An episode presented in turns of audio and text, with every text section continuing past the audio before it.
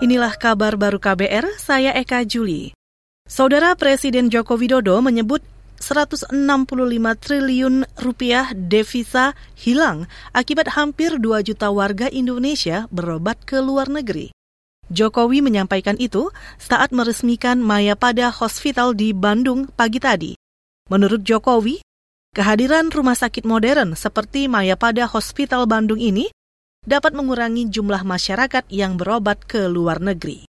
Padahal kita memiliki rumah sakit seperti ini.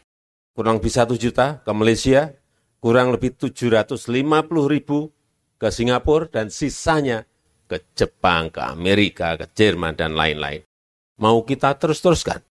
Presiden Jokowi juga meminta Rumah Sakit Modern Maya pada Hospital Bandung juga melayani pasien BPJS. Jokowi meminta agar tidak terjadi kesenjangan di masyarakat dalam mendapatkan akses dan pelayanan kesehatan. Kita ke soal lain. Kementerian Pertanian memastikan stok cabai dan bawang merah aman jelang Ramadan. Direktur Jenderal Hortikultura Prihasto Setianto mengatakan, terus memantau ketersediaan cabai dan bawang merah di daerah. Kementan menurutnya menggandeng para petani champion atau petani penggerak untuk berkonsolidasi menjaga stok hingga April mendatang. Early warning system kepada seluruh dinas pertanian provinsi, kabupaten, kota supaya uh, dilakukan mitigasi ataupun penyampaian itu kepada kita semua apakah di daerah itu terjadi surplus dan minus. Kemudian kami juga konsolidasi dengan champion tentunya dengan intervensi pasokan. Kemudian yang ketiga penanaman kawasan cabai bersama champion juga kita sudah lakukan pada saat uh, musim off season Bapak Inspektur.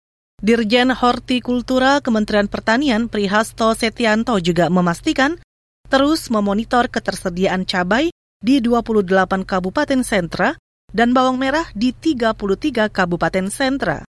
Berdasarkan panel harga Badan Pangan Nasional hari ini, harga bawang merah naik 4,60 persen menjadi Rp37.050 per kilogram.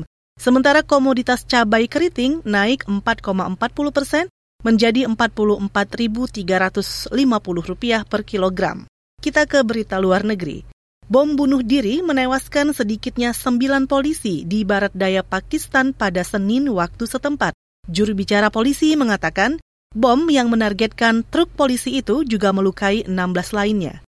Kata polisi senior, pembom bunuh diri menggunakan sepeda motor dan menabrak truk dari belakang. Dikutip dari Reuters, truk yang membawa polisi itu dalam perjalanan kembali dari tugas pengamanan.